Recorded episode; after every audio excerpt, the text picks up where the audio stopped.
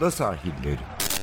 Hazırlayan ve sunanlar Mert Aydın ve Alp Ulagay. Londra'dan Dünya Spor Gündemi.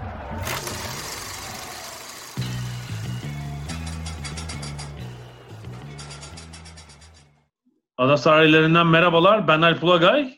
Ben Mert Aydın. 105. yayına hoş geldiniz. Bugün ağırlıkta tabii Premier Lig konuşacağız. Ama önden önce bir mevzumuz var. Yani Premier Lig'deki konulara girmeden bu Emre Şakçı, Türk yüzücü. Yani her hafta sonu bir ya da her hafta diyelim bir rekor, bir birincilik haberi alıyoruz. Bu International Swimming League, özel ligdeki başarılarına devam ediyor değil mi? Budapeşte de devam ediyor herhalde o yarışlar. Evet. Her hafta bir yenisini ekliyor rekorlara, başarılarına. 25 metrelik kısa kulvar olsa da yüzmede evet. pek sık rastlamadığımız bir durum tabii bu. Yani hiç rastlamadığımız bir durum hatta. hani sık, sık rastlamadığımız deyince sanki arada birileri de yapmış gibi gelmesin. Aslında hani geçmişe baktığımızda e, 90'ların sonu 2000'lerin başında Derya Büyükuncu'nun e, Avrupa ve Dünya şampiyonlarında aldığı madalyalar var. Kısa kulvarda dünya üçüncülüğü var. E, işte Avrupa üçüncülüğü, Avrupa e, üçüncülükleri var. Uzun kulvarda da Avrupa üçüncülüğü var. Ama e, ondan sonraki dönemde hani son 20 yıllık e, süreçte işte evet Victoria Zeynep Güneş'in e, dereceleri var ama hani Türkiye'de yetişen e, sporcular anlamında belli bir noktanın üstüne çıkamıyorduk ama bu biraz da bir abartılı oldu. Yani hani belli bir noktanın üstü derken biz Avrupa rekoru kıran yüzücü beklemiyorduk. so, so, son dönemde hatırlarsın son 10 yıllık süreçte işte Bob Bowman'ın da Türk yüzmesiyle Bob Bowman ve ekibinin ilgilendiğini biliyoruz. Ee, onlara teslim edilmişti. E, kulüplerde de çok başarılı isimler yavaş yavaş çıkmaya başladı. İşte Fenerbahçe kulübünden e, Emre'de. Hatırlarsan birkaç hafta önce kurbağalamanın neyi diyebiliriz Adam Peaty'ye? Piri piri. ya da ne bileyim hani Hüseyin Bolt'u hani hatta biraz daha abartarak söyleyeyim e, yani uzun kulvarında işin Adam Peaty hani Adam Peaty kötü gününde değilse birinin onu geçme ihtimali pek yok gibi şu anda. E, ama kısa kulvarda tabii o kadar iyi değil ama yine de sonuçta Adam Peaty Adam Peaty'dir. Adam Peaty'yi geçti e, Emre. E, ve bu haftada işte 100 metrede kurbağamda Avrupa rekoru kısa kulvarda kırmayı başardı. E, bunlar senin de söylediğin gibi alışık olmadığımız şeyler. E, onun için de galiba Türk medyası da reaksiyon vermekte zorlanıyor. Ama yavaş yavaş gelişme var. Yani hani mecburen çocuk hani gözüne sokuyor herkesin artık. Her hafta bu dereceleri yaptığı için. Ben şöyle bir şey söyleyeceğim. Sonra sana bırakacağım sözü. Ben geçmişte de çok fazla işte uluslararası yüzme şampiyonası da takip etme şansına sahip oldum. Sabah gazetesinde çalışırken. Yüzme camiası özellikle genç yüzücülerin en nefret ettiği şey şuydu e, uluslararası bir şampiyonada işleri gitmezse e, havuzda boğuldular manşetinin atılması. ya bundan iki şekil, iki nedenle rahatsızlar. Yani birinci asıl neden şu. Yani evet zaten çirkin bir şey de as, as, asıl neden şu. Bu çocuklar e, azıcık başarılı olduğunda kimse görmüyor. E, o dönemde bundan 20-25 yıl önce yarı final yüzmek bile e, bir Türk yüzücüsü için e, hayal edilmesi zor bir e, başarıydı. Onu yap, e, yapıyorlardı. İşte Derya Büyükuncu e, madalya almıştı. Ama bunlar çok küçük görülüyordu genelde medyada. Çok fazla konuşulmuyordu. Ama işler biraz kötü gittiğinde sanki devamlı o sporu takip ediyorlarmış. Sanki işte bütün sorunlara hakimlermiş gibi işte havuzda boğuldu başlığı, manşeti fazlasıyla e, onları rahatsız ediyordu. E, hala da ettiğine eminim. Öyle söyleyeyim. E, ama şu anda gelinen noktada Emre'nin bu başarıları benim tek korkum var, tek endişem var. Çünkü Türkiye'de sen de çok iyi biliyorsun ki uzmanlaşma çok e, olan bir şey değil. Hani genelde işte sen de biliyorsun Murat Ağaca gibi arkadaşlar var. İşte e, ne bileyim Hamit Duran var, Hatice Yücel var. E, bizler varız. Hani tüm sporları takip etmeye çalışan bir grup var. Öyle söyleyeyim. isimlerini unuttuklarım varsa da kusura bakmasınlar. Ve bu grup hani her şeye yetişmek zorunda. Hani sadece yüzme mesela Amerikan basınında da İngiliz basınında olduğu gibi sadece yüzme yazan e, birileri yok. Antrenörleri hariç tutuyorum. Hani onlar da zaman zaman yorum yapıyorlar. Sonuçta hani biz bir takım şeyleri görebiliyoruz ama sorun şurada tamamen bunun dışında olanlar vay işte olimpiyatta madalya alacak diye başlıyorlar. Çocuk şimdi gidip olimpiyatta madalya alamazsa diyelim ki Türkiye'de hiç başarılamamış olimpiyat sekizincisi olsa mesela. Sonuncu oldu yazarlar. Anlatabildim mi? Yani benim korkutan nokta bu. İşin bu kısmını çok çok e, dikkatle takip etmek lazım ve bu çocuğu ne diyeyim pamukla korumak lazım bu tip şeylerden, bu tip sıkıntılardan. Yani olimpiyat tarihinde dün bir arkadaşım aradı. ismi önemli değil. Sağ olsun. Gazetesinde bu konuyla ilgili bir şeyler yazıyormuş. Bana da işte yorumunu yolladı. Ya böyle bir şey yazdım olur mu? Çok güzel dedim ama dedim ne olur şeyi ekle. Türkiye'nin olimpiyat tarihinde finali yok. Yani bir insanın üzerine bir yük bindirirken daha önce tarihte yapılmış mı yapılmamış mı ona da bir bakmak gerekiyor. Bir anda oraya sıçramak çok kolay değil. İnşallah yapacak, inşallah olacak ama aman abi. Yani bir anda ondan sonra ne oluyor e, o sporcu? İnanılmaz bir demoralizasyon. Yani daha önce hiç ilgi yok diye üzülürken şimdi de çok gereksiz bir ilgiyle e, olimpiyatlar sırasında karşı karşıya kalabilir. Yani onun sınırını belirlemek e, biraz bizim arkadaşlar, meslektaşlarımızın elinde. Uluslararası Yüzme Ligi'nin sıralamalarına da şöyle bir bakalım. Yani takımlar sıralaması ayrı bir de bireysel sıralama var. Ee, Emre Şakçı tüm yüzücüler içinde de 6. sırada şu anda.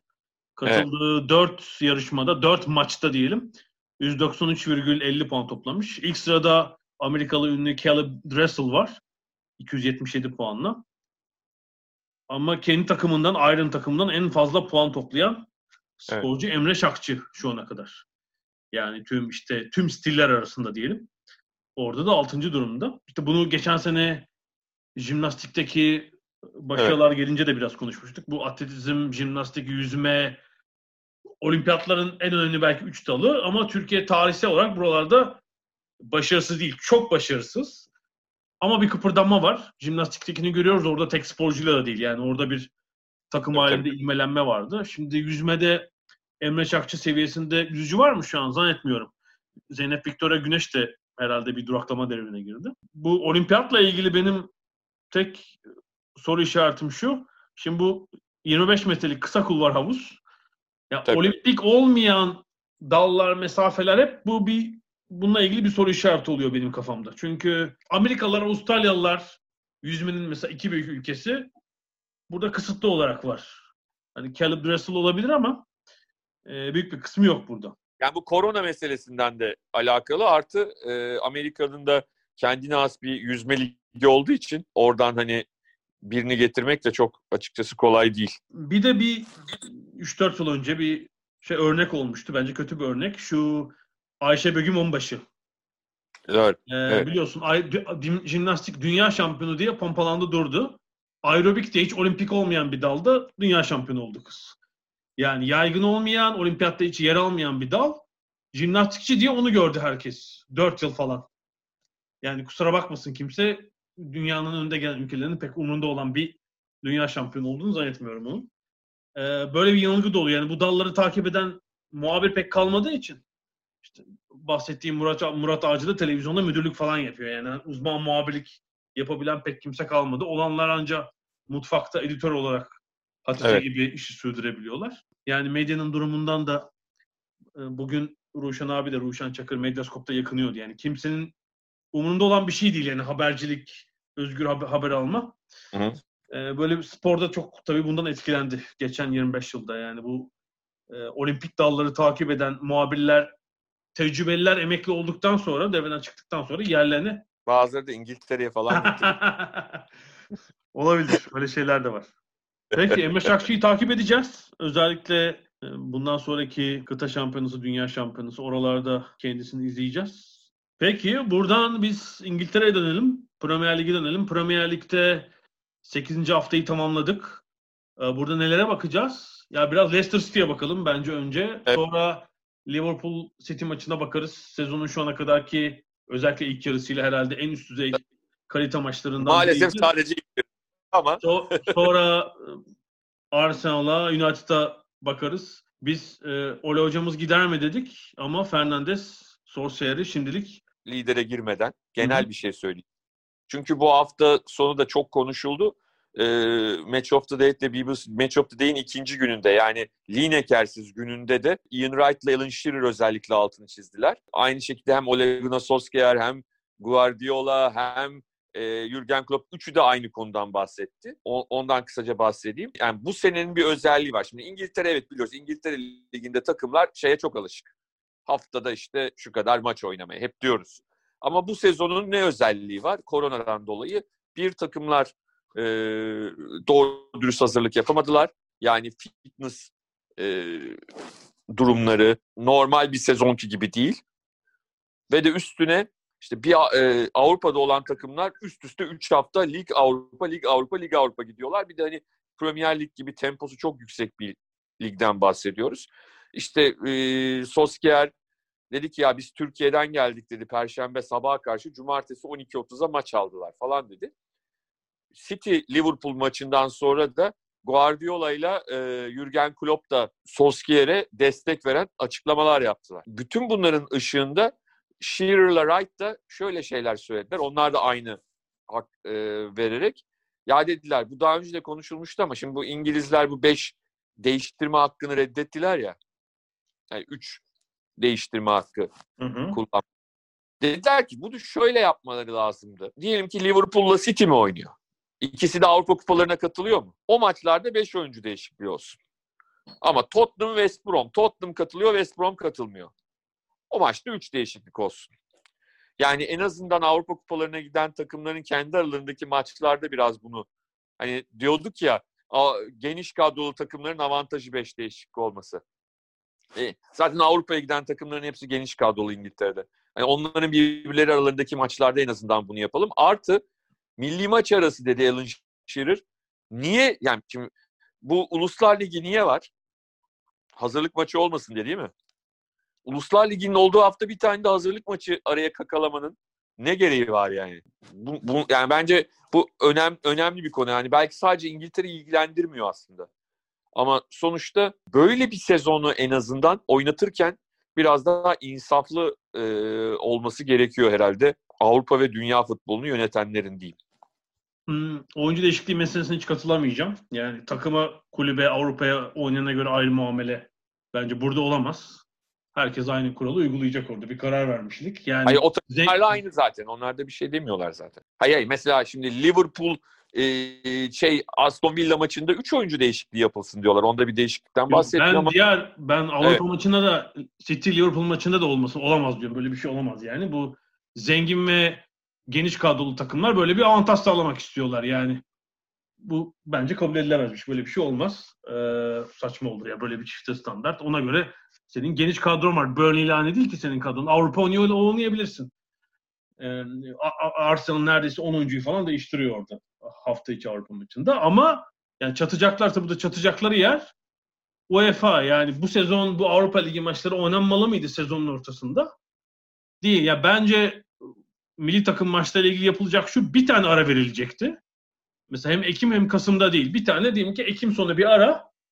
Belki bir parça uzun olurdu. Orada işte 3 maç mı 4 maç mı onu oynat bir daha ara olmayacaktı yani. Bir daha milli takıma dönecek oyuncular. Ay, bir de iki arada da hazırlık maçı oynandı bir de ekstra. Hani zaten UEFA Avrupa Ligi maçı şimdi düşünsene bu iki haftalık süreçte üç maç oynayacaklar. Üç milli maç, iki tanesi Uluslar Ligi, bir tanesi işte bugün e, yani bugünlerde oynanıyor hazırlık maçları. E zaten sen Uluslar Ligi'ni hazırlık maçı oynanmasın diye oynatıyorsun. 3 tane resmi maç oynayanlar da var. Playoff maçı oynayıp üzerine 2 tane Avrupa Ligi maçı oynayan ülkeler var. İngiltere için değil de Norveç falan geçen sefer öyle oldu. Yine var galiba. Ee, şey için herhalde İrlanda için mi? Ha, İskoçya tamam için. onu ne için yapıyorlar onu anlayabiliyorum. Onu sene sonuna yani şeye yetiştirebilmek için Avrupa, e, Avrupa Şampiyonası'na o son takımları bulabilmek için yapıyorlar ama hazırlık maçı oynayan bir sürü takım var yani çok anlam. Yani Zaten kaç güne? yani Avrupa 8 Ligi güne maçı 9 oynuyor. güne 3 tane milli maç sokuyorsun. Evet. E orada 3'er Zaten tane maçını oyuncu var işte. yani. Playoff maçı olan da mesela Norveç falan. 3 maç oynuyor adam 270 dakika. Uzatmaya kalan da oldu. Geçen sefer sanıyorum Tabii, 300 tabii. dakika 300 dakika oynayan oyuncu var. Ekim penceresinde Tabii, tabii. yani milli takımıyla. Bu milli takım Avrupa Ligi'ni zorla sıkıştırmanın gerçekten bir anlamı yoktu. Herkes takviminden fedalık eder, eder ederken ya biliyorsun İngiltere'de FA Cup maçlarında tekrar replay kalktı. Lig kupasında çift maçlı tur yok. Ya Türkiye'de bile mecburen ne oldu? Türkiye kupası maçları tek maç oynanacak falan. Dedik, Ya ben aslında yani e, belki sen karşı çıkar mısın bilmiyorum ama yani UEFA Avrupa Ligi için bile e, bu kadar grup maçını sıkıntılı buluyorum yani. Hani bu sene için bir ona bir ayrıcalık yapabilirler miydi? Onu düşünüyorum. UEFA Avrupa Ligi yani Şampiyonlar Ligi ve UEFA Avrupa Ligi. O Hı, anlam- o- hı. Ha, oradaki anlamı. altışar, maçı diyorsun. Evet hiç ara verilmedi o dünya çünkü. Evet yani onu bilmiyorum hani bir bir dönem olmuş biraz saçma ama yani şu dönemde hiçbir şeye saçma diyemiyoruz. O anlamda söylüyorum. Normal şartlarda mantıklı değil ama hani tek devreli olabilir, başka bir sistem olabilir ama mümkün olduğunca az maç yaparak takımların çünkü hani Şampiyonlar Ligi'nde adı Şampiyonlar Ligi zaten o maçların hepsi para falan hani UEFA Avrupa Ligi'nde hani o kadar para da yok. Takımlar Ancak önelemeden biliyorsun kırptılar biraz. Tek maç yaptılar. kırptılar ama yani bence sanki öbüründen de biraz kırpsalar iyi olurmuş. Ya 30'ar dakikada oynatsınlar maçları falan. kısa kısa maçları kısa oynatacağız falan. Bir akşamda iki maç oynarsınız. Tahkim sorununun etkilerini yani görmeye devam ediyoruz sakatlıklarla zaten. Belki daha da göreceğiz. Peki biz lige bakalım ve Leicester City ile girelim.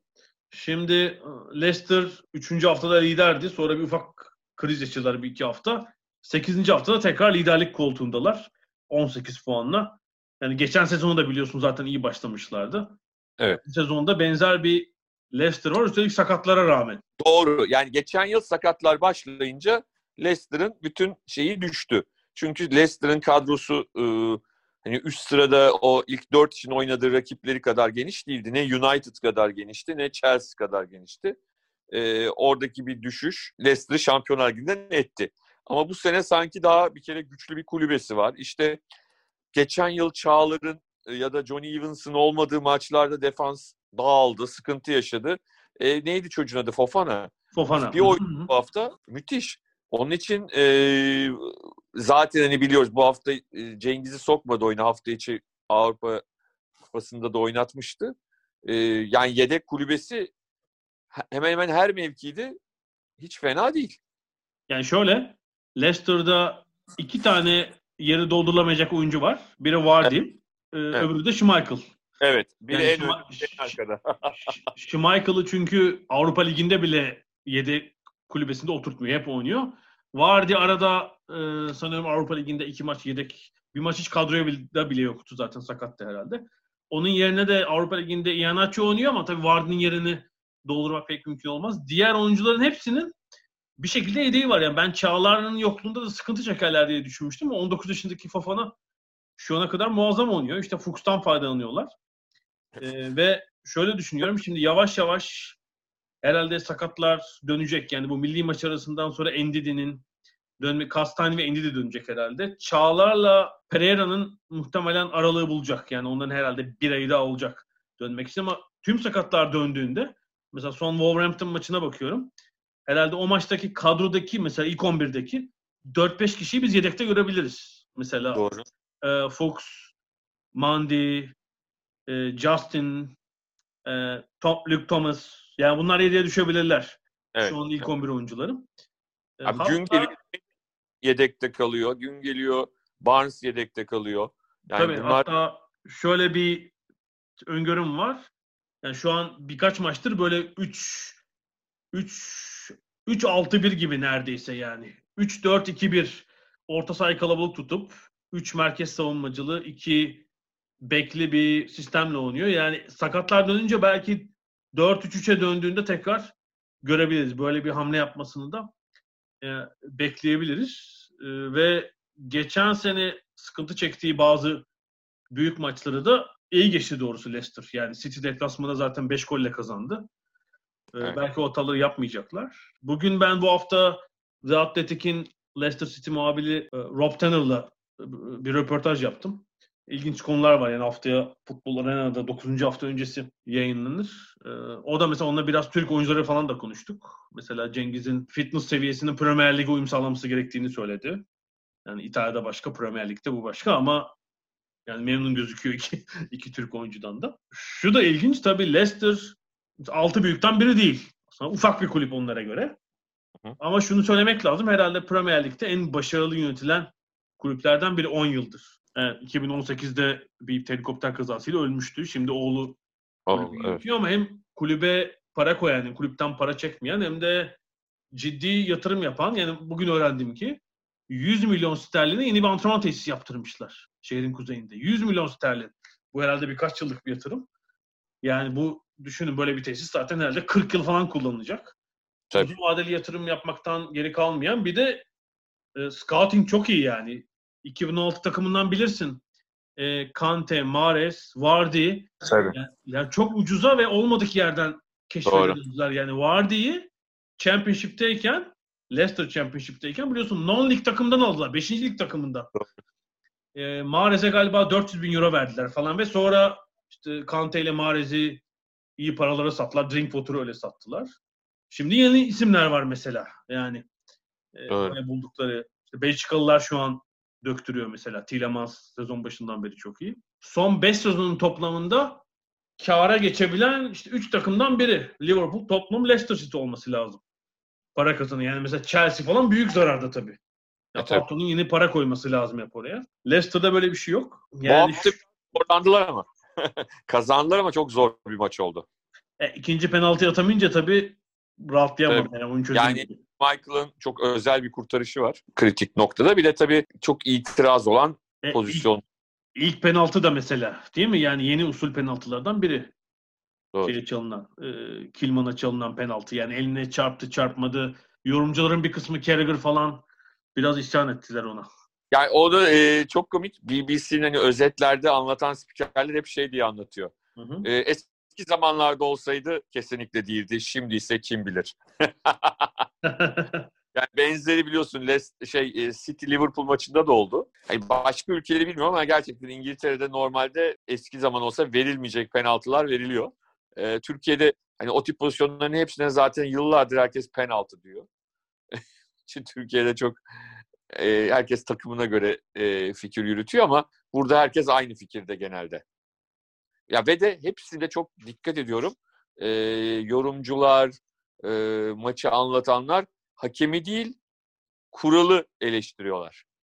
Yani maçın hakeminin yapması gerekeni yani mecburen bu kararı verdiğini ya da VAR'ın uyararak mecburen bu nedenle uyardığını ama kuralda sıkıntı olduğunu altını vurguluyorlar. Yani galiba o ayrımı yapmak, doğru şekilde yapmak önemli. İngilizler bu konuda mı İngiliz medyası çok doğru bir şekilde davranıyor. Yani eleştiri e, okullarını doğru noktaya gönderiyor. Keith Hackett biliyorsun eski İngiliz hakem tabii çok hakemliği bırakalı çok oldu ama uzun bir süre de Premier Lig hakem yönetimindeydi. O tabii eski gelenekten gelen bir eski hakem ve o çok eleştirmiş. Yani el topa müdahale etmedikçe diyor penaltı çalınmamalı. Yani çok iyice şey tarafta hani çok az yani bunlara çok az penaltı çalınsın tarafında. Gerçekten onlar Erman Erman Toroğlu e, şeyindeler. Ekolü. Ekolü yani penaltı penaltı gibi olmalı. Hani gerçekten böyle hani hem faulün çok sert, net olmasını yani hem de şeyin ne derler el pozisyonunda da hani hakikaten neredeyse uçarak adamın elle topu çıkarmasını e, bekliyorlar penaltı için. O sadece Türkiye değil ama Avrupa'nın diğer ülkeleri için çok ne derler kullanışlı bir şey değil. İngiltere için evet doğru. Ama yine de bu son kural galiba dünya üzerinde hiç kimse için kullanışlı değil. Bu hafta sonu mesela Fransa'da oldu bir ciddi tartışma. Lyon Saint Etienne maçı galiba böyle bir penaltı verildi. Şimdi oraya sıçradı mesela Lekip. Lekip'in tartışma konularından biriydi hafta başında. Şu gidişata bakarak ve diğer takımların form durumuna Leicester'ın eksiklerle bunu yaptığını düşünerek yani sanki bu sene o geçen sene kaçırdıkları ilk dördü tutturacaklar gibi geliyor. İlginç bir soru Fuchs'a geldi maçtan sonra. 5 yıl önceye benzemiyor mu gidişat diye. Hı. Sadece gülerek karşıladı. Bir yorum yapmadı. hani şampiyon olunan sezon ama ya ben hep şunu söylüyorum. Geçen yıl da söylüyordum. Şu anda geçen yılki ve şu andaki takım şampiyon olan takımdan daha iyi bence. Bir kere kadro genişliği olarak daha iyi. Yani tabii ki Evet. yani Mahrez e, Kante özellikle o ikisi tamam Drinkwater falan ama hani Kante ve Mahrez çok üst düzey oyuncular. İtirazım yok. Uluslararası oyuncular ama ben genelden bahsediyorum. Yani genel takım ortalaması yedekleriyle şeyle birlikte daha iyi yani o zamanki takıma göre. Şu da iyi ama ya o sezondan bak kaç tane oyuncu var hala kadroda. Bak Schmeichel, Vardy, Fuchs, e, Albrighton sık oynuyor. E, Morgan hala Yani duruyor. Morgan var ama Morgan var ama e, onun galiba beslenme e, şekli artık futbolcu gibi değil.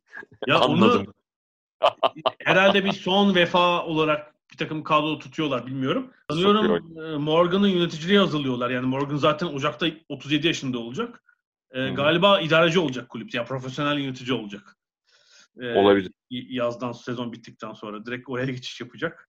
Onun Ama yani hani bir hatırlıyorum. E, e, göbekli abiler olur ya halı sahada top oynayan. Biraz onları andırıyor yani. Evet ya geçen sene son 3 maç çok sıkıntı olmuştu biliyorsun yedek oyuncu da yokken. Doğru. Çağlar gittikten sonra. Buradan Liverpool City maçına bakalım mı? Tabii tabii bakalım. Aslında yani haftanın maçı o maçtı tabii. Son Doğru. iki, iki sezon hatta üç sezondur kıyasaya bir çekişme içinde bu takımlar yani. Yani oynadıkları oyunla da topladıkları puanla da diğer takımlardan ayrıldılar. Geçen üç sezonda oynadıkları her maçta ayrı bir rekabete ayrı bir heyecanı sahne oldu. Hmm, Geçen sezon ilk yarısında da Liverpool kazanıp böyle farkı biraz açmıştı. O yüzden bir ayrınımı var. Seyircisi tabii aynı tadı alamıyoruz maalesef. Yine de Doğru. ilk yarısı gerçekten herhalde 45 dakika itibariyle bu sezonun en yüksek kaliteli ilk yarısı olabilir. İkinci E, yarı, ben tam aynı şeyi söyleyecektim. Hı. Ağzımdan aldım. ikinci yarı maalesef yani bu da şeyin kanıtı. Hala e, fizik kondisyon seviyesi istenilen Doğru. düzeyde değil Hele- bence. Düşüş oluyor. Yani zaten hani Klopp'la Guardiola da hani hafta içi de Şampiyonlar Ligi oynandığının altını çizerek e, bunun normal olabileceğini. Bir de yani şöyle bir şey var. Ligin bu noktasında belli bir yerden sonra da oyuncular ma- maçı çok şey yapmak, force etmiyorlar e, maç berabereyken. Bence ola, kritik nokta De Bruyne'nin penaltısıydı. De Bruyne o penaltı golünü atsa belki ikinci yarı bizim izlediğimizden biraz daha iyi olabilirdi. Tabii Liverpool saldırmak zorunda kalacaktı o zaman da yine de Klopp'un bir sürpriz yapıp 4 forvetle sahaya çıkması gerçekten büyük cesaret. Yani deplasmanda City karşısında. Çünkü maç öncesi konuşulan neydi? Formsuz Firmino 7'ye çekebilir, Jota oynar. İkisini de oynattı. Tabii, Bence Pep'in de pek hesap etmediği bir durum oldu ve yani sert bir presle zaten. Evet ya maç zaten şey yani ne derler. Hani City'nin kadrosu da öyle, e, Liverpool'un da öyle. Hakikaten böyle ağız sulandırıcı bir e, giriş oldu maça. O bence de ona çok hazırlıklı değildi City. Liverpool penaltıdan golü de buldu. City'de de Jesus'un gelmesi hemen biraz ileriyi değiştirmiş yani o Santifor'u bulamaktan dolayı dertlerde onun dönüşüyle zaten güzel de bir gol attı. Bu arada Jesus'un İngilizcesini duydum.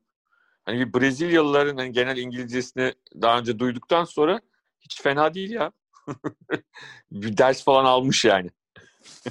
Bence. Önemli bir şey. Evet yani bu özellikle İspanyollardan, İtalyanlardan hani yıllarca bir de şeyde yaşadıktan sonra İngiltere'de kötü İngilizceyi duyuyoruz. Mesela işte Jesus, Fernandes güzel konuşuyor. Ee, dikkat çekici. Abi en çok en iyi kim konuşurdu biliyor musun? Yani ölmedi adam hani rahmetli demeyeyim. Yani konuşurdu demeyeyim hala konuşur.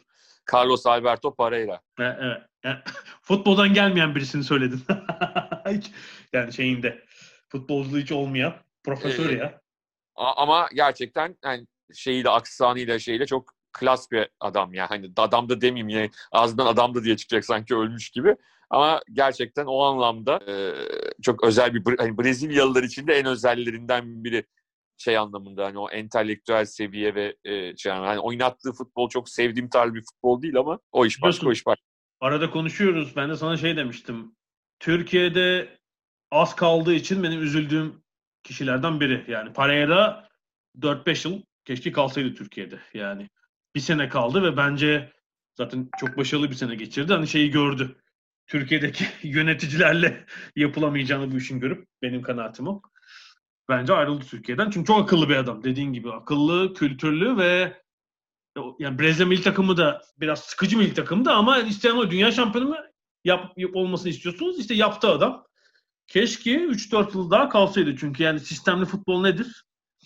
Onu gösteren bence nadide adamlardan biriydi Türkiye. Şöyle de bir şey söyleyeyim. E, araya bir trivia vermeden ben şey yapmam. Hani sen biliyorsun da e, din, izle, dinleyenlerimizden bilmeyen olur. 1970 hani Brezilya'nın tarihin en güzel milli takımı denir yani 70 Dünya Kupası'ndaki Brezilya milli takımına. İşte o takımın hocası Mario Zagallo. O takımın kondisyoneri Coutinho isimli bir yüzbaşı ki o da 78 Dünya Kupası'nda o takımı çalıştırdı milli takımı. O takımın yine alt e, antrenörlerinden bir tanesi de Pereira 20'li yaşlarında. 70 Dünya Kupası'ndaki ekipte yer alan bir isim Carlos Alberto Pereira. Sonra da 94'te şampiyon yaptığında Zagallo yoktu. Zagallo'nun yardımcısı değildi değil mi artık herhalde? Öyle bir şey var mıydı? Yoktu.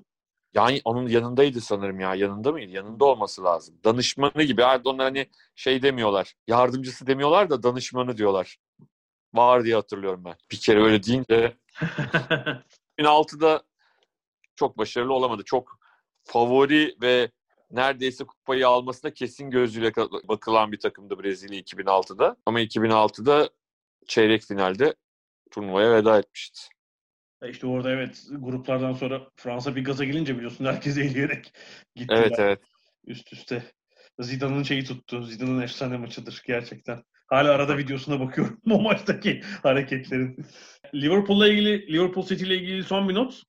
E, biz programı yapmadan, çek daha doğrusu kaydı yaptığımız saatlerden herhalde birkaç saat önce milli takım idmanında Joe Gomez'in de sakatlandığı haberi geldi. Yani Liverpool'un zaten savunmacılardan yana bir derdi var. Van Dijk sezonu kapattı. Matip bir oynuyor bir oynamıyor. Şimdi Joe Gomez de gitti. Elde kaldı bir tek Matip. Üstelik Fabinho da sakat. Nasıl evet, hatta, hatta Trent Arnold bile sakat yani. Evet e, evet. Ha. Hani orada yine o bir şekilde oynatılan oyunculardan. E, hatta şöyle bir espri var şu anda en azından bizim kaydı yaptığımız dakikalarda yani İngiltere'nin İngiliz Twitter'ının trending topiklerinde Steven Colker adını ben gördüm. Ne oluyor dedim. Alanya Spor'da oynuyor Steven Colker çünkü. Steven Colker yani bütün bu sakatlıklardan sonra Liverpool'a dönsün. Liverpool'da oynasın diye tweetler var İngilizler tarafından. Dönsün de ocağa kadar ne olacak transferlerin yani arada bir buçuk ay var da. Ocakta döner evet. tamam. Yani, Onu kabul ettik. E, taraftar geyiği. Ama evet. hani İngiltere'de bir numaraya yükselmiş yani hani şeyde. Hani Stephen Colker'ın adını bir numarada görünce İngiliz trending topiklerde bir ne oluyor ya dedim yani. Hani çok ac- acayip geldi. Ee, nedeni buymuş. İlginç bakalım Liverpool'un ne yapacağını göreceğiz. Ee, bir ara verim. Aradan sonra haftanın müthiş Panenka penaltısı ve United Arsenal onlarla devam edeceğiz.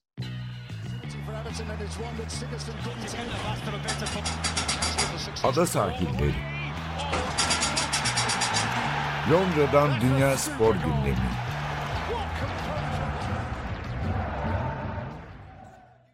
Ada sahiline devam ediyoruz.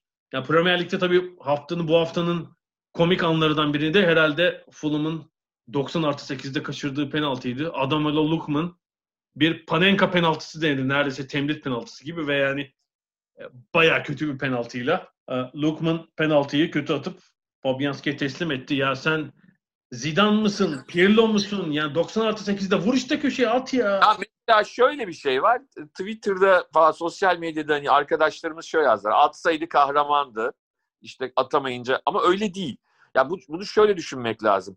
E, galiba Perotti Fenerbahçe'de geçen hafta mı öyle bir penaltı atmış ben bilmiyorum. Şimdi tecrübeli bir oyuncunun bunu atma şekli ve atma zamanlaması, atma yeri biraz daha farklı olabiliyor. Bir özgüvenleri, kendilerine kendilerine ait bir e, tarzları olabiliyor. Şimdi Lokman gibi e, genç bir futbolcunun Fulham gibi küme yani belki de alacağı o bir puan ilerleyen haftalarda çok önemli umut ışığı olabilecek bir takımda 90 artı 8'de böyle bir penaltı atması ben e, buna vereceğim ad cahil cesareti. Başka bir ad veremedim yani. yani mutlaka deneyip kaçan olmuştur ama yani çok sık atılan bir penaltı evet. değil. Ya biliyoruz işte bunun mucidi Panenka, Antonin Panenka var. 76 Avrupa Şampiyonası'nın finalinde 10. penaltı atan Panenka var. Ama yani adam bir yıl iki yıl üzerine çalışmış zaten bunun mucidi. İşte Zidane var. Pirlo var. Yani bahsettiğimiz oyuncular zaten bayağı genius tipler. Bu arada Lineker'ın kaçırdığını gördük o da. Çok komikmiş Brezilya maçında. Yani zor bir penaltı bunu. Herkes atamaz. E, 90 artı 8 puan alacaksın. Garanti bir penaltıya gitmen lazım. Yani bu kadar bir de tecrübesiz oyuncusun. Hiç bununla uğraşmay uğraşmaman lazım. Parker da Scott Parker da biraz kendini tuttu maç sonu ama kızgın olduğu Evet. belliydi. Yani Hayır, bütün zaten 90 artı yemişsin golü. Hani zaten hani hani üstüne piyango gibi gelmiş yani. Kesinlikle yani zor gol atan takım. Bir piyango penaltı gelecekti. Ondan oldular. Haftanın komik anlarından biriydi. Bu arada geçen hafta Ole hocamız galiba kovulacak diye konuşmuştuk ama bu sefer Fernandes Everton deplasmanında hocasını kurtardı. İki tane gol attı. Birbirinin benzeri aslında birini kendi kafayla attı. Birinin asistini vermiş gibi gözüktü ama Rashford'a dokunamamış. O iki golle E, o gole e, attıdan çok attırdı demek daha doğru olur. o iki golle maçı çözdü ama genel tabloya baktığımda yani United'ın oyunu geçen haftaki Başakşehir maçında da herhalde pek iyi oynamamışlar. Yani oyun tat vermiyor bir kere. Fernandez bireysel becerisiyle ve yani savunmanın göbeğinde iki merkez savunmacının arasında pek yenmeyecek iki gol yedi, yedi Everton. Bir bireysel beceriyle biraz kurtardı. Hiç keyif vermeyen bir United var ve nasıl oluyorsa böyle en kritik maçlarda yani bir kuyruğuna kadar geliyoruz. Bir galibiyet alıyor United diyoruz ki aa Solskjaer kurtardı. Bir de Çünkü tabii tekrar bir galibiyet kurtardı böyle kör topal gidiyorlar. Evet tabii da burada en önemlisi galibiyetin yanında Cavani'nin de bir gol atmış olması. Yani hani biliyoruz golcü dediğin adam böyle bir gol hani bir gol onlar için başkalarından daha fazla anlam taşıyor. E, Bence ilk 11'de oynaması lazım.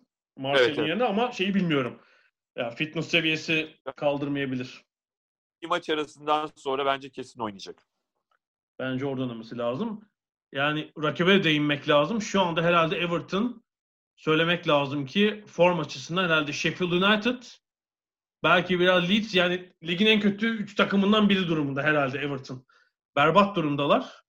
O eksikler, takımın orada ayarının bozulması toparlayamadılar. Yani çok kötüydü Everton bu hafta.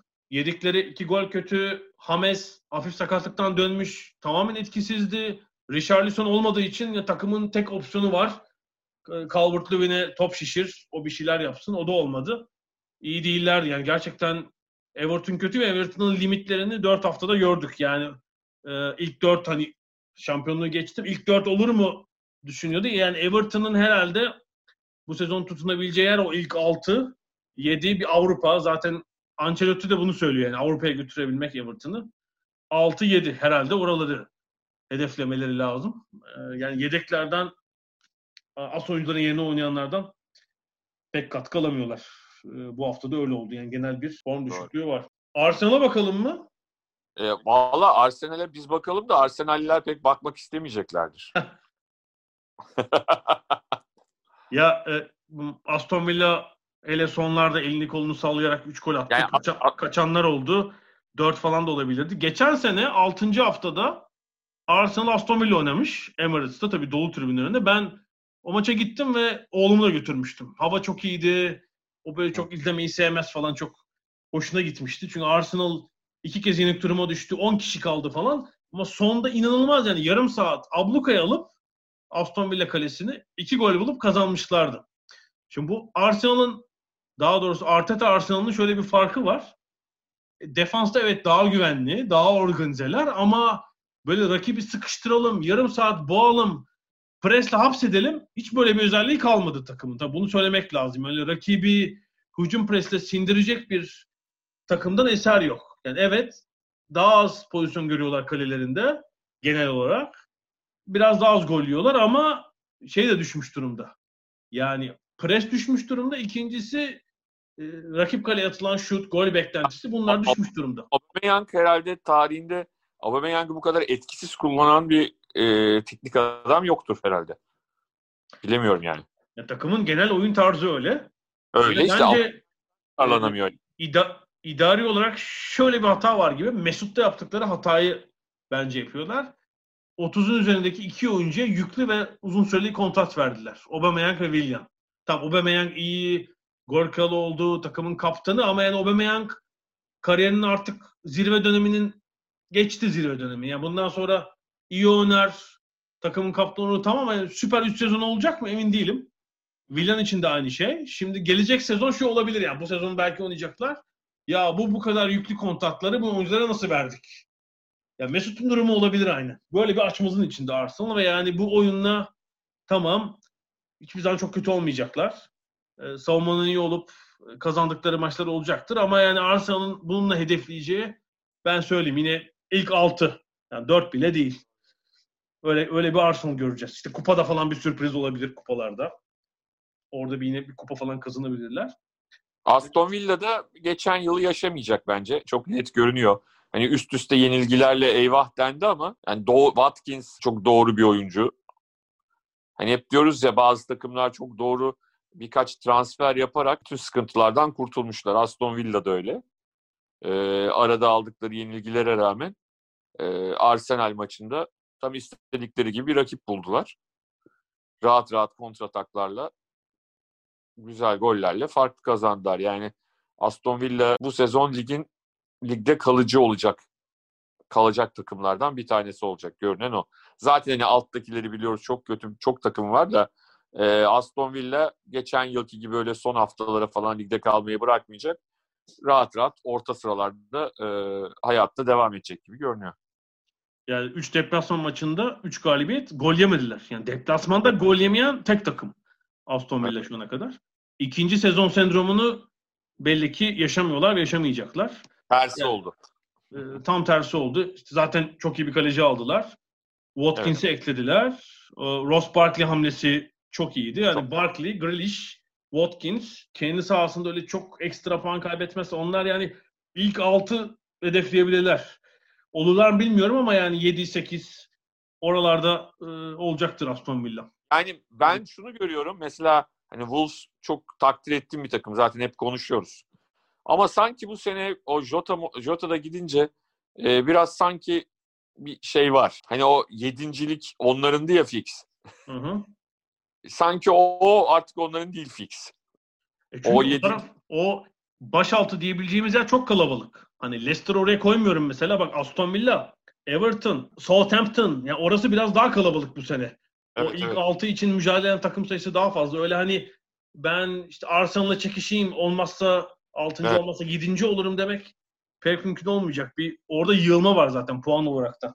Evet evet. Hele bir de şey olunca yani o hep konuştuğumuz şey alt tarafta hiç puan alamayan çok fazla takım olunca dört tane takım mesela hiç e, tamamen bence bir, bir, böyle giderlerse birkaç hafta sonra tamamen kopacaklar. Onun üstündekiler de onlardan kopacak.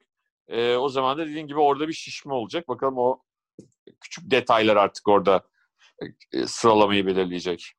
Şeyi izlemişsindir kesin. Sheffield United'ın Chelsea deplasmanındaki halini. O neydi Allah aşkına?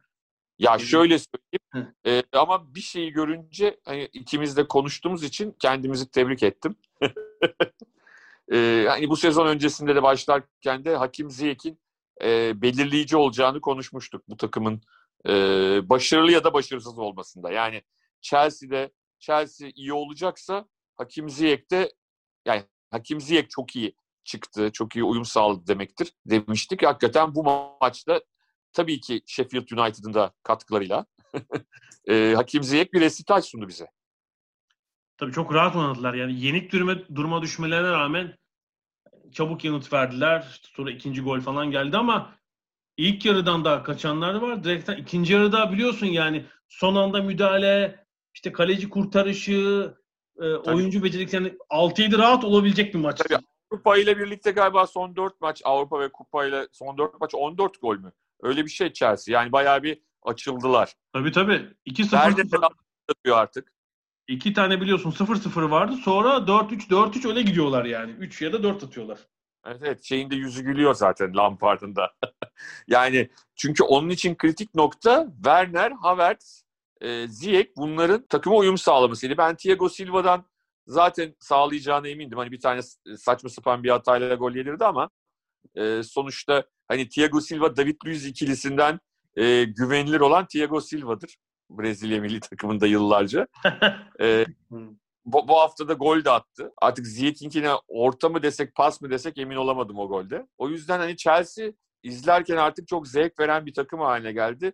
Hele hele e, dediğim gibi Sheffield gibi ligin altında artık anlamsız bir şekilde yani niye bu kadar kötüler anlayamadığım bir grup var. E, o grupla oynadıkları maçlarda daha da büyük sonuçlar gelebilir. Tabii Şimdi- maçlarda işleri zor olacaktır. itiraz etmiyorum ama hani o tip takımlarla yakaladılar mı çok atarlar. E, Bence Lampard'da şimdi şu sorun olacak. Neredeyse eksik kalmadı. Bir tek Havertz galiba Covid-19 pozitif testinden dolayı bir süre karantinada. Demek ki milli maç arasından sonra dönecek. Mesela Havertz'te dönünce kimi 11'e sokacaksın? Çünkü yani Ziyech'i kesmen mümkün değil. E, Werner'i oynatacaksın. Onu herhalde solda. E, bir santifor oynatırsın. Ya Havertz'e ortada bir yer kalıyor. E, hem Mount hem Havertz mesela çok mu cesur olacak? Her maç olmaz böyle bir yani Mount Havertz bir sürpriz bir isim yedekte kalabilir o süreçte. Öyle bir başarısı olacak ama olsun. Bu olabilir. Antonio'nun herhalde çok Ben buna razı etmeyecek. olduğunu düşünüyorum. Tabii ki. Yokluktansa çokluktan çokluk daha iyidir. yani Lampard'ın şey avantajı var abi. Şimdi bazen yani ben hani her eski yıldız futbolcunun iyi teknik direktör olacağını inanmam. Kimse de inanmaz. Yani öyle bir garanti yok. Ama e, Lampard gibi işte eski yıldız futbolcuların da e, o yıldız futbolcuların psikolojisini anlama konusunda genelde böyle bir avantajları vardır. Yani bir şekilde Lampard'ın o oyuncuları idare edebileceğini düşünüyorum. Yeter ki saha içinde idare edebilsin. Yani saha dışını halleder. Ama E, e- saha içi e, işin garantisi yok. Çünkü çok sert maçlar olacak, çok e, sert rakiplerle de oynayacaklar. Her rakip Sheffield United olmayacak. E, orada bu kadar becerili oyuncuyla aynı zamanda takım savunmasını yapmak kolay değil. Orada da herhalde Kante'ye e, bakacak. Bu arada Tottenham ikinciliğe çıktı. Ee, bu Evet. haftaki zorla aldıkları West Brom galibiyetiyle yani Kane yine bir son dakikalarda şapkadan tavşan çıkardı ve 1-0'lık galibiyet var. Ee, Tottenham'ın da gerçekten ne kadar iyi olup olmadığını bundan sonraki yani milli maç arasından sonra göreceğiz. Çünkü çok zayıf 3 rakiple oynadılar son 3 hafta. Yani Burnley, Brighton, West Brom zor, zor kazandılar. 9 puan ama şimdi milli maç arasından sonra bakıyorum City, Londra'da Chelsea deplasmanı, içeride Arsenal, Crystal Palace'a bir başka Londra deplasmana gidiyorlar. Liverpool'a gidiyorlar. Üzerine Leicester geliyor. Ben şöyle düşünüyorum. Ocak ayında İtalya'nın Milano kentinde mutsuz bir genç var Kuzeyli. Onu sanki getirmeleri gerekiyor gibi geliyor bana. Christian Eriksen. Mourinho şeyden yakınmasın ya. Kadro yokundan. Hayır kadro yokluğundan değil ama e, açıkça söylemek gerekirse yani hani Lo Celso'yla falan bilemiyorum ya. Yani hani o yaratı çünkü sanki takımın o yok. Yani o tarz bir oyuncuya ihtiyacı var. 10 numara değil de 8 numara. Hani daha böyle orta sahada yaratıcı oyuncu eksikliği hissettiğini düşünüyorum. Yani Mourinho hissetmiyor olabilir de ben hissediyorum. Yani bu e, 21 Kasım'dan sonraki büyük maçlarda hani bir kontra oyunu işe yararsa Tottenham oyunu rakip sahaya yıkması gerek kalmazsa falan iyi sonuç olabilir ve bambaşka tablo yani Aralık ortasını şöyle görebiliriz mesela Tottenham işte yine ikinci hatta belki lider işte City'nin 6 puan önünde falan. Ee, ama yani pres falan gerekirse skorda geriye düşerlerse ne olacak?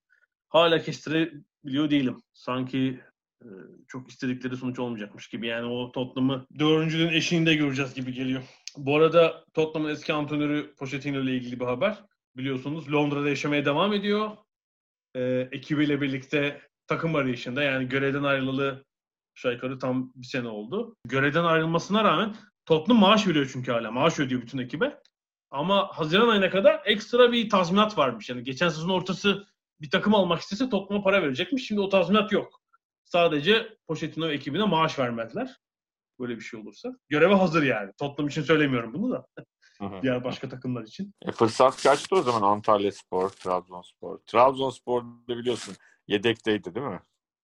Ya gerçekten inanılır gibi haber değil. Yani geçen senelerde bir Galatasaray'daki İbrahimovic palavrası vardı. Bir de Beşiktaş'taki Bale mi? Bale şey Bale'i getireceğim falan diye böyle bir şey çıkmıştı. Pochettino bunların da üzerinde bir şey oldu gerçekten. Cepte. Trabzon yedekte bekletiyor Pochettino'yu. Ama oğlunu falan futbolcu olan. Ne haberler vardı canım? Bu bir şey değil. sosyal medya yokken daha fe, fe, fecilerini gördük yani. Yok, sosyal medyadaki hani sosyal medya üzerinden yayılan internet sitelerinde çıkan haberler zaten hani çok e, zaten hani belirli ve bilindik haber sitelerini bir yana koyuyorum. Böyle adını duymadığımız enteresan sitelerde çıkan haberler var. E, ama eskiden onlar yokken de gazetelerimiz yaratıcılıkta sınır tanımıyorlardı. ya son dönem için dedim zaten. Bütün tabii tabii, tabii tabii. Ya ben şöyle bir haber hatırlıyorum. Söyleyeyim sen de gül. Ee, bir gazetemizde Burak Yılmaz o zaman Trabzonspor'da oynuyor. İşte İspanyollar istiyor diye bir haber olabilir. Hiçbir sıkıntı yok. Takımların adı yazılmış. Ve bunların içinde en önde Atletik Bilbao vardı. Üstüne hani ben yayında o zaman 7-10 programında espri yapmıştım. Burak'ın bilmediğimiz bas kökenleri olabilir diye. Göçmen, göçmen. Göçmen. Pa- Pamplona ya. Pamplona'da iki kuşak büyük dedesi Pamplonalı. Evet. Atletik Bilbao'nun Burak'ı biliyorsun o sezonun başında 2011-2012'nin başında e, Trabzonspor Atletik Bilbao ile eşleşmişti. Sonra ikinci maç oynanmamıştı. Trabzonspor e, Fenerbahçe ceza aldığı için Şampiyonlar Ligi'ne hatırlıyorsun. Hı hı. O maçta beğenildiğini e, yazmıştı ama o maçın 6. dakikasında kırmızı kart görmüştü Burak. yani şundan dolayı soruşturmuşlar. İsminde K harfi var ya. Acaba baskılı. yani hani diyelim ki Atletik Bilbao baskı olmasaydı bile hani öyle oyuncu almasaydı bile hani o maçta beğendiği için de 6 dakika çok yeterli olmamıştır diye düşünüyorum. Scout'un acelesi varmış. 5 dakika izlemiş gitmiş sonra oyuna atılmış Burak. Bask bırakılmaz evet bu gerçekten iyiymiş. Ya bu arada Crystal Palace bir maçta 4 tane gol attı. 4 şut attıklarına az şahit oluruz. 4 tane gol attılar. Ya baktım en son ne zaman 3 gol üzerine atmışlar diye galiba. 2018-19 sezonun son maçı artık böyle sezonun son maçı. Bournemouth'u 5-3 yenmişler. Ya o maçta zaten Roy hocamız şey demiştir. Ya çocuklar kafanıza göre takılın demiştir. Ondan olmuştur o maç. Tabii ya son maç dediğim gibi iddiasız bir 38. hafta yani, maçı. Yani Roy Hudson e, sıkı savunma oynatıyor ama şey de bir amcaya benziyor. Hani dışarıdan. Hani iyi de bir insan. Ben, çocuklar hani bırakın hadi bakalım tatile çıkın. Hani istediğiniz gibi oynayın demiş olabilirdi. ya şey çok iyi. Çarşambaları off. Yani e, cumartesi maç olunca şöyleymiş sistemi. Pazar off. Yani izin yapıyor herkes. Pazartesi, salı idman. Çarşamba yine izin. Perşembe, cuma idman. Cumartesi ya, maç. bugün e, biz adresini alalım da biliyorsun Richmond'da oturuyor. Yani bize çok yakın bir yerde oturuyor Roy Hudson. Herkes görmüş mü biz görmedik. Yani şu Covid bitsin de çarşamba çaya gidelim. Evet evet Richmond Hill'de böyle çok lüks apartmanlar da var. Hani sadece evler değil.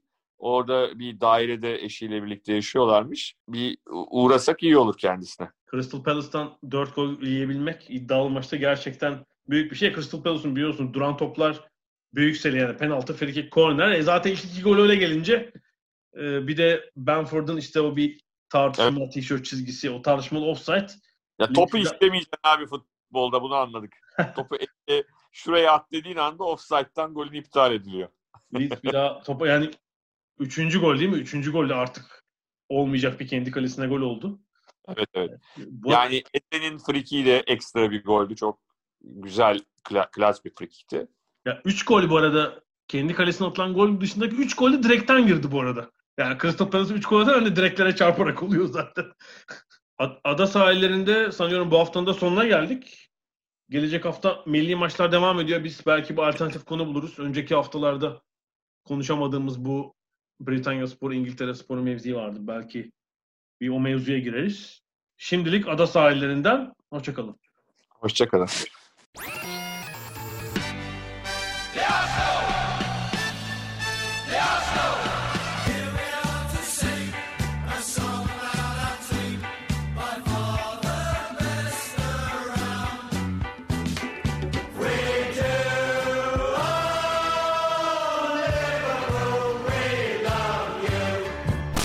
Ada sahilleri.